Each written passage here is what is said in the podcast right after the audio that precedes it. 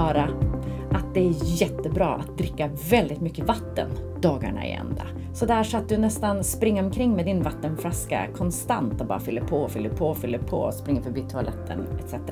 Eh, eller eh, har du hört att det är så viktigt att dricka mycket vatten, en och en halv, två liter per dag för att ja, öka fettförbränningen? Eh, eller är du kanske en sån som faktiskt inte alls dricker särskilt mycket vatten och tycker att det mår jag jättebra av i alla fall. Så det tänker jag fortsätta med. I sådana fall är det här avsnittet för dig. Eh, det är jag som är Camilla, det är hon som är Alette, doktorn är Viktdoktorn, specialistläkare i allmänmedicin.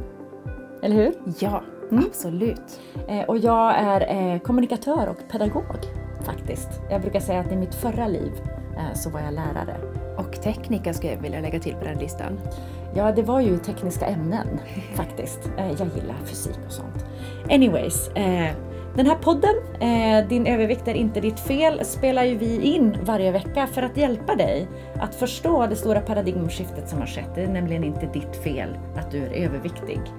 Och du kan inte banta dig smal, dieter fungerar inte, Eh, Eh, och eh, du kan inte heller träna dig smal. Om du inte tillhör den där 3-5 procenten och inte har för mycket vikt från början, för då pratar vi promillen som klarar av detta på egen hand. Därav eh, dagens avsnitt om vatten. En av de absolut viktigaste beståndsdelarna. Vad är det? Är, vi, är det ungefär 70 procent vi består av? Ja, det är nog lite olika från person till person tror jag, men ungefär där. Och finns det något godare än ett glas iskallt vatten när man är riktigt törstig? Alltså det är fantastiskt gott. Men det är skillnad på vatten och vatten. Alltså jag måste säga hemma i Skellefteå så är vattnet väldigt, väldigt gott. Eh, och här ute på ön i Stockholm, eh, inte riktigt lika gott, men gott. Mm. Ja, jag tycker du har gott vatten. Särskilt när vi kolsyrar det. Det blir jättegott. Mm. Och jag har ju dagen till ära naturligtvis letat studier. Och jag har hittat två, en liten och en stor. Och jag tänkte vi börjar med den lilla. Det är en mm. ganska charmig liten studie med 48 deltagare. Och det roliga är att det är inte bara män, och det är inte bara unga män, utan det är personer, män och kvinnor, mellan 55 och 75 års ålder. Och det är ju en grupp som i vanliga fall har ganska svårt att gå ner i vikt. Varför då? Massa olika komponenter som förklarar det. Dels att eh, kroppen blir mer energieffektiv med åldern. Och det kanske har att göra med att förr när det inte fanns speciellt mycket mat, då ville man att de unga som skulle växa skulle få ordentligt med mat och de äldre de behövde inte äta lika mycket och de överlevde i alla fall. Ehm, finns säkert någon som kan förklara det bättre än mig, men ungefär åt det hållet. Plus att kvinnor som går igenom klimakteriet får också en förändrad fettförbränning, den minskar ordentligt. Ehm, men det blir ett annat avsnitt. Mm. Och I den här studien så samlade man personer som hade BMI mellan 25, alltså i princip normalviktiga, upp till 40. Och då har man ju fetma grad 3, så det är en allvarlig fetma. Ehm, sen så sa man till personerna i studien, nu ska vi lotta er till två grupper och studien går ut på att se hur livsstil och livsmedel påverkar viktnedgång. Och då började man naturligtvis att mäta och väga och röntga och kolla och tog prover på alla möjliga sätt på de här deltagarna. Man mätte deras fettprocent och deras vikt och deras midjemått och deras kolesterolvärden och sockervärden, liksom you name it. Och eh, sen så sa man till den ena halva gruppen, ni ska äta ungefär 1500 kalorier per dag, varsågod här har ni ett kostschema. Och den andra gruppen fick samma plus en liten uppmaning. Inför varje huvudmåltid så ska du dricka en halv liter vatten ungefär 20 30 minuter före maten. Alltså det kan ju... Ehm, alltså det är ju jättemycket vatten. Mm. Ska man stå och klunka i sig flera glas vatten innan man ska äta? Ja, det var uppmaningen som de fick. Och, alltså jag kan ju tänka mig att det fyller ut magsäcken, man känner sig kanske inte riktigt lika hungrig, men som vi har pratat om tidigare, man skickar inga hormonkvitton till, eller hjärnan får inga kvitton på att man ätit protein. Så att man håller inte den här nej, alltså, fejkade mättnadskänslan. Nej, en fejkad mättnad på att magen är full, men inte full med någonting som är näringsrikt. Då får man inte kvittot, mättnadskvittot från hjärnan. Och det fick inte de här heller. Men det som var spännande var att när de eh, satte personerna ner och sa nu ska ni få äta hur mycket ni vill av den här maten. Och det var förmodligen alldeles vanlig lunchmat av något slag. Eh, de som hade fått dricka en halv liter vatten innan, en halvtimme innan måltiden, de åt i genomsnitt 50 till 60 kalorier mindre på den måltiden jämfört med de som inte hade fått dricka vatten. Det är, ingen... det är inte jättemycket. Nej, det är inte jättemycket. Nej. Och eh, sen så skickades försökspersonerna hem och de levde på sin diet och de fick skriva matdagbok och de var ganska noggranna med det hela. Och så samlades gruppen igen efter 12 veckor och så vägdes de och mättes, nej förlåt, de vägdes och mättes med fyra veckors mellanrum. Men efter 12 veckor så jämfördes grupperna och studien avrundades. Vet du vad som hade hänt? Alltså det känns ju som att även om de där 60 kalorierna inte är särskilt mycket, att det ändå räntar på när man går så många veckor som 12 veckor ändå är. Mm. Att de borde ha gått ner lite mer. Ja ja, de hade gått ner lite mer. Men det var faktiskt mycket mer än vad de cirka 4 500 kalorier i skillnad motsvarar. De hade gått ner två kilo extra jämfört med den grupp som inte hade druckit vatten före maten. Och då kan man tycka att två kilo hit eller dit, ja det är väl inte så mycket. Men grejen är den att i den här åldersgruppen 55-plussare som har svårt att gå ner i vikt, att då gå ner 6 kilo istället för 4 kilo, det ger en ordentlig skillnad. Ja, jag menar 12 veckor, om vi börjar räkna på 52 veckor så är det ganska många kilo på ett år. Ja.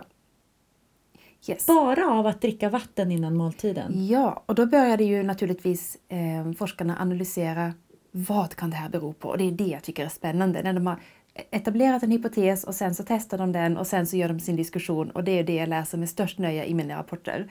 Um, och de är ju inne på naturligtvis att en halv liter vatten före maten ger ökad mättnad.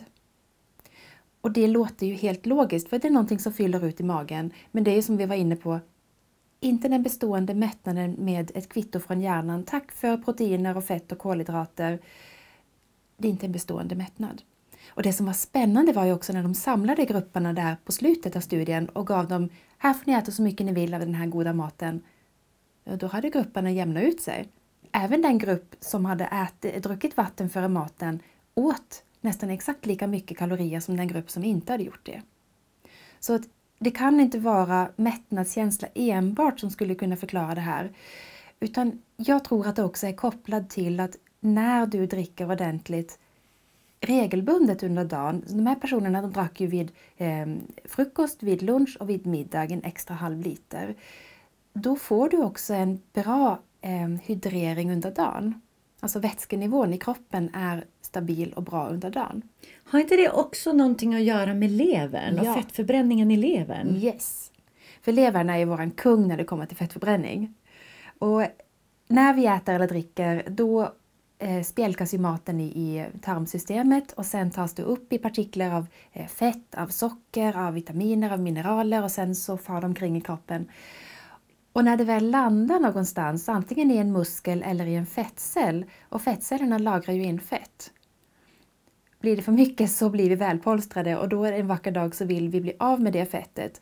Och, och då ska ju det fettet ut från fettcellen och förbrännas någonstans i kroppen, antingen i levern eller i muskler eller i andra celler.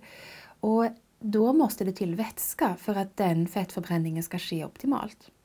Så förmodligen det vi ser i den här studien är alltså att på grund av att de hydrerar ordentligt, de dricker en och en halv liter ish extra varje dag mm. utöver det de vanligtvis dricker så ser de helt enkelt till att boosta effektiviteten av levern? Gissningsvis ja. Det finns säkert även fler eh, funktioner bara det hela men jag har faktiskt lite egen erfarenhet utav det här för jag har ju bantat otaliga gånger och varenda gång så har jag bestämt mig för nu ska jag dricka mera vatten och jag är ju en vattenälskare så jag har ju druckit ganska mycket vatten i alla fall. Mm. Men att jag kanske har gått ifrån en till en och en halv liter till två till två och en halv liter vatten om dagen. Och jag har upplevt den här effekten att jag går ner i vikt snabbare när jag också dricker vatten. Um, och jag är ju absolut ingen vetenskaplig studie så det här får ni ta med en stor nypa salt. Um, vilket jag också skulle vilja att vi tar en liten mikrostudie som jag hittade. Absolut! Och det var sju friska unga män som forskning oftast utförs på, som de faktiskt övervätskade på avancerat sätt. De gav dem läkemedel, de satte dropp, de bara pöste in vätska i dem. Det här är ju inte nyttigt. Nej, jag tänker det. Det måste ju helt rubba eh, saltbalanserna. Eh, och jag menar kalium-natriumpumpen som ser till att cellerna andas ordentligt och får ut skit och innäring Ja. och allting. all- Allting sätts ur spel Ja, när vi rubbar saltbalansen. do not try this at home. Eh, Men då såg man faktiskt att när de var övervätskade, då brände de fett ännu snabbare. Mm. Och det är inte vår uppmaning till dig att gå hem och dricka fem liter vatten om dagen. Gör inte det, då kommer du bli sjuk. I värsta fall, Mår väldigt dåligt. och i värsta fall så får du hjärnödem, det vill säga din hjärna sväller upp och sen är du pang död. Så nej. Men jag tycker det ändå är spännande att det görs en del forskning på det här med vätskegrad och fettförbränning. Mm. Ehm, Jag nämnde för dig att jag hade hittat en stor BRCA-studie. Ja, och då tänker jag, då är det flera tusen deltagare. Ja, då är det, håll i dig nu, 4755 deltagare. Det är så nördigt att hon kommer ihåg detaljen. Eh, 755. Man hade ju kunnat säga uppemot 5000. Ja, och det var frestande faktiskt att bara slarva lite för att jag är ju rädd att jag ska minnas fel. Men, men grejen är den att det var i alla fall 4755 deltagare och det var både män och kvinnor och det var alla åldrar från 18 år och uppåt. Och man tittade på den här stora gruppen. Vad äter de? Vad dricker de? Hur mår de? Hur lever de? Och så vidare. Och då såg man att det fanns personer, det här var amerikaner, som inte alls drack vatten. Alltså jag kan bara säga så här att när jag var liten så fick min mamma för sig att jag skulle inte dricka vatten eller mjölk som vi faktiskt drack till själva maten. För att då, eh, hon tyckte att jag sköljde ner maten och inte tuggade ordentligt. Så att jag fick inte dricka medan jag åt. Vilket gjorde att jag drack ganska lite för att det är inte så att man trycker ett glas mjölk efteråt. Alltså om man inte äter väldigt salt mat. Eh, men det kan jag säga att det var det inte. Det var inte särskilt kryddat heller. Min mamma är inte känd för att vara världens bästa kock. Om man säger så. Men Eh, Så det kanske fanns anledning att jag ville dricka mjölken till. Men eh, för att inte dissa min mamma, hon- är väldigt gullig i övrigt. Så nej men jag, jag drack väldigt lite och jag fick nästan lära mig att dricka när jag flyttade hemifrån. Att dricka medan jag äter. För att det blev ju ehm, det blev ju inte bra det heller. Nej. Så jag kan verkligen förstå det här att folk dricker inte så mycket vatten. Men av de 87 procent i studien som faktiskt dricker vatten så var deras genomsnittliga vätskeintag en och en halv liter vatten per dag. Och jag säger vätskeintag, det kommer ju naturligtvis till kaffe eller te eller mjölk eller någonting annat som är vätska, soppa till exempel. Men de drack i snitt en och en halv liter vatten. Och då jämförde man deras levnadsvanor, de som drack vatten jämfört med de som inte gjorde det. Och man såg att de som valde bort vattnet som dryck, de åt mera snacks, mera godis, mera snabbmat. Eh, de hade viktproblem i högre grad. Men det var ingen jättestor skillnad i kalorimängd på de här två grupperna. Men det där är ju jättespännande. Så att om jag dricker, om jag hydrerar ordentligt, jag dricker tillräckligt mycket vatten varje dag så att min kropp mår bra av det. Alltså ingen överexcess. Eh, så blir jag mindre sugen på sött och salt och fett. Du blir det? Nej men det, det, det är en fråga jag ställer. Om de, de som drack mindre vatten hade en ökad intresse av sött, salt, fett. Vilket överlevnadshjärnan jättegärna vill ha. Eh, så som vi har pratat om tidigare. Och om, om det går att minska det suget bara genom att dricka rätt mängd vatten per dag. Det vore väldigt häftigt i så Det vore fall. väldigt häftigt. Och jag läste ingen sån slutsats i den studien. Nej, okej. men, men det är ju någonting som vi skulle kunna spekulera närmre i. Ja, vi kan absolut spekulera mer. Eh, men det var bara en fråga som jag fick i huvudet när du berättade om det där. Ja. Ja. Men vad hade de för slutsatser då? Ja, när de vis, det visade sig att den grupp eh, som drack mycket vatten, de åt mer frukt, mer grönsaker, de minskade intaget av snacks och godis och snabbmat jämfört med den andra gruppen. Men alltså, man tänker sig ju snabbmat, det är ju kaloristinn mat och godis, det är ju bara, ja, kalorierna bara rinner in. Skillnaden mellan grupperna var 194 kalorier i snitt per person och dag. Men det är väl inte särskilt mycket? Nej, det är inte mycket. Men var det då mer att, att kalorierna kom från mer näringsrik, alltså att näring? jämfört med att kalorierna kom från sötsalt fett? Jag vet inte. Mm. Det är nästan som vi behöver följa upp den här studien. Ja, den är väldigt spännande. Och, och jag tycker också att det är så intressant att det dels finns människor som inte dricker vatten, men jag vet ju att det gör det. Jag har stött på dem i min gärning som läkare. Och när jag frågar hur mycket vatten dricker du så säger de nej, men jag dricker inte vatten, jag dricker läsk. Och sen så lägger de till, men det är lightläsk. Som att då ska jag liksom se ett kvitto på att ja, men då är det nyttigt att dricka lightläsk. Jag skulle säga att det är inte det. Och eh, naturligtvis är det ju bättre att dricka lightläsk än att inte dricka någonting alls. För att människan dör utan vätska. Men är det så att du har inte bara vanan att dricka läsk, men du kanske har vanan att dricka sötad läsk, alltså sockrad läsk. Då skulle jag säga att den personen har så mycket att vinna på att faktiskt byta ut den sötade läsken med kolsyrat vatten eller vanligt vatten. Inte bara kalorimässigt, men också tandmässigt. Och det här med pendlande blodsocker och pendlande insulinnivåer och så vidare. Och det kommer vi att återkomma till i vår sockerpodd. Ehm, men den mängd kalorier man kan spara genom att byta flytande kalorier till flytande nollkalorier, alltså vatten, ger en enorm skillnad på sikt på vikten och för hälsan. Och det här med att, att det är det kan vara väldigt få skillnad, alltså väldigt liten skillnad i hur många kalorier per dag. Men det räntar ju. Mm. Alltså det är ju ungefär som pengar på banken som borde ränta exponentiellt. Det gör ju inte riktigt det. Men det gör ju det med vikten. Mm. Så bara att, att byta ut om du dricker mjölk till maten och kanske inte riktigt har det behovet längre att bygga din benstomme. Eh, du får i dig kalcium och, och näring ändå. Alltså byt ut ett glas mjölk mot ett glas vatten. Och, och dricker du någonting som är direkt onyttigt, som saft eller läsk, eller, då vet du ju redan att det är mycket bättre att dricka ett glas vatten, eller hur? Men det går att dricka annat också. Vi stöter ju på rådet, ja men ta en kopp te om du är hungrig. Alltså vet du, det är så många deltagare som säger det till mig hela tiden. Ja men eh, hos den här experten och den där experten säger att om jag är hungrig då tar jag bara en kopp te. Då löser det sig. Varför är det så att det faktiskt inte löser sig, Alette? alltså, te... Så får de höra det från läkaren och inte från mig. Ja, dels är det ju det här att du får inget kvitto från hjärnan. Tack, vi har mottagit fett, protein och kolhydrater. Det kändes bra, då får vi en bestående mättnad. Men te är ju lite beskt och kaffe är ju ännu mer beskt. Och beska drycker dämpar faktiskt aptiten så man kan känna sig lite mindre hungrig när man har satt i sig en kopp te eller kaffe. Um, och det är ju inget fel att dricka vare sig kaffe eller te. De innehåller ju nyttiga ämnen så att det är helt rätt. Drick kaffe eller te. Men ersätt inte en måltid med te.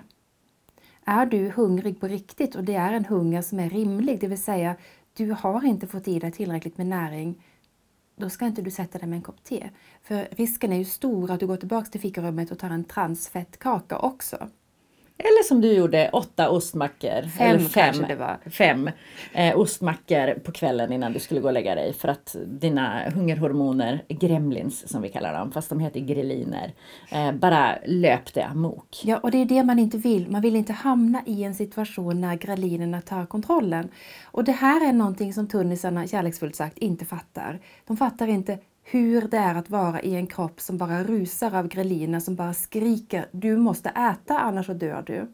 De tror på riktigt att det att jag ställde mig och åt mina ostmackor på grund av mina högra greliner berodde på mitt otroligt svaga pannben. Men jag har inget svagt pannben. Nej, verkligen inte. Alltså, ni, ni förstår inte. Men jag har känt henne länge. Det är inget svagt pannben och, och det är detsamma för alla överviktiga som inte eh, känner att de är i en kropp som de har kontroll över. Ja, och det är det här som är hela paradigmskiftet och det som är ganska Paradigmskiften är jobbiga för man måste acceptera en ny sanning. Men forskarna forskarlag över hela världen visar det här gång på gång. Det är inte den överviktigas fel att den har sin övervikt. Det är så många otroligt finstämda system som bestämmer vikt och som bestämmer aptit och hunger. Och jag tycker det bästa man kan göra om man bestämmer sig för att göra någonting åt sin vikt, det är att inte bestämma sig för att äta mindre, träna mer, för det är ett recept på misslyckande. Det är att bestämma sig för nu tänker jag ta hand om mig och leva så hälsosamt jag kan. Och där ingår vatten. Där ingår vatten. Eh, faktiskt till och med en halv liter vatten före varje måltid som de gjorde. Ja, jag måste ju nästan prova det. Jag tycker det lät spännande. Jag kommer aldrig lyckas dricka så mycket vatten. Eh, men eh, öka helt enkelt ditt vattenintag. Eh, säkerställ att du är väl hydrerad. Inte över, inte som de där unga killarna. För vad var det du sa, hjärnan kan svälla upp och då dör man. Mm. Ja. Så att tryck inte för mycket vatten bara för att vi sitter här nu och säger att det finns flera studier som visar på att det är fördelaktigt. Nej, och de här killarna de behandlades ju på ett sjukhus. Det var säkert bara 50 meter till IVA. Så att Men drick inte några fem liter om dagen. Drick en och en halv till två liter om dagen. Lite mer om du tränar jättemycket. Spännande! Alright, eh, var det någonting annat som du ville förmedla? Annars så tänker jag att vi är nog klara med det här avsnittet. Ja, men det är väl lika bra att du stoppar mig där. Alright, stort tack till dig som har tittat eller lyssnat. Tack till dig Alette återigen. Alltså det är så roligt när du nördar ner dig i dina olika forskningsrapporter. Eh, och eh, vi syns och hörs igen eh, samma plats, eh, samma tid nästa vecka om du vill. Ta hand om dig tills dess. Hej då! Hej då!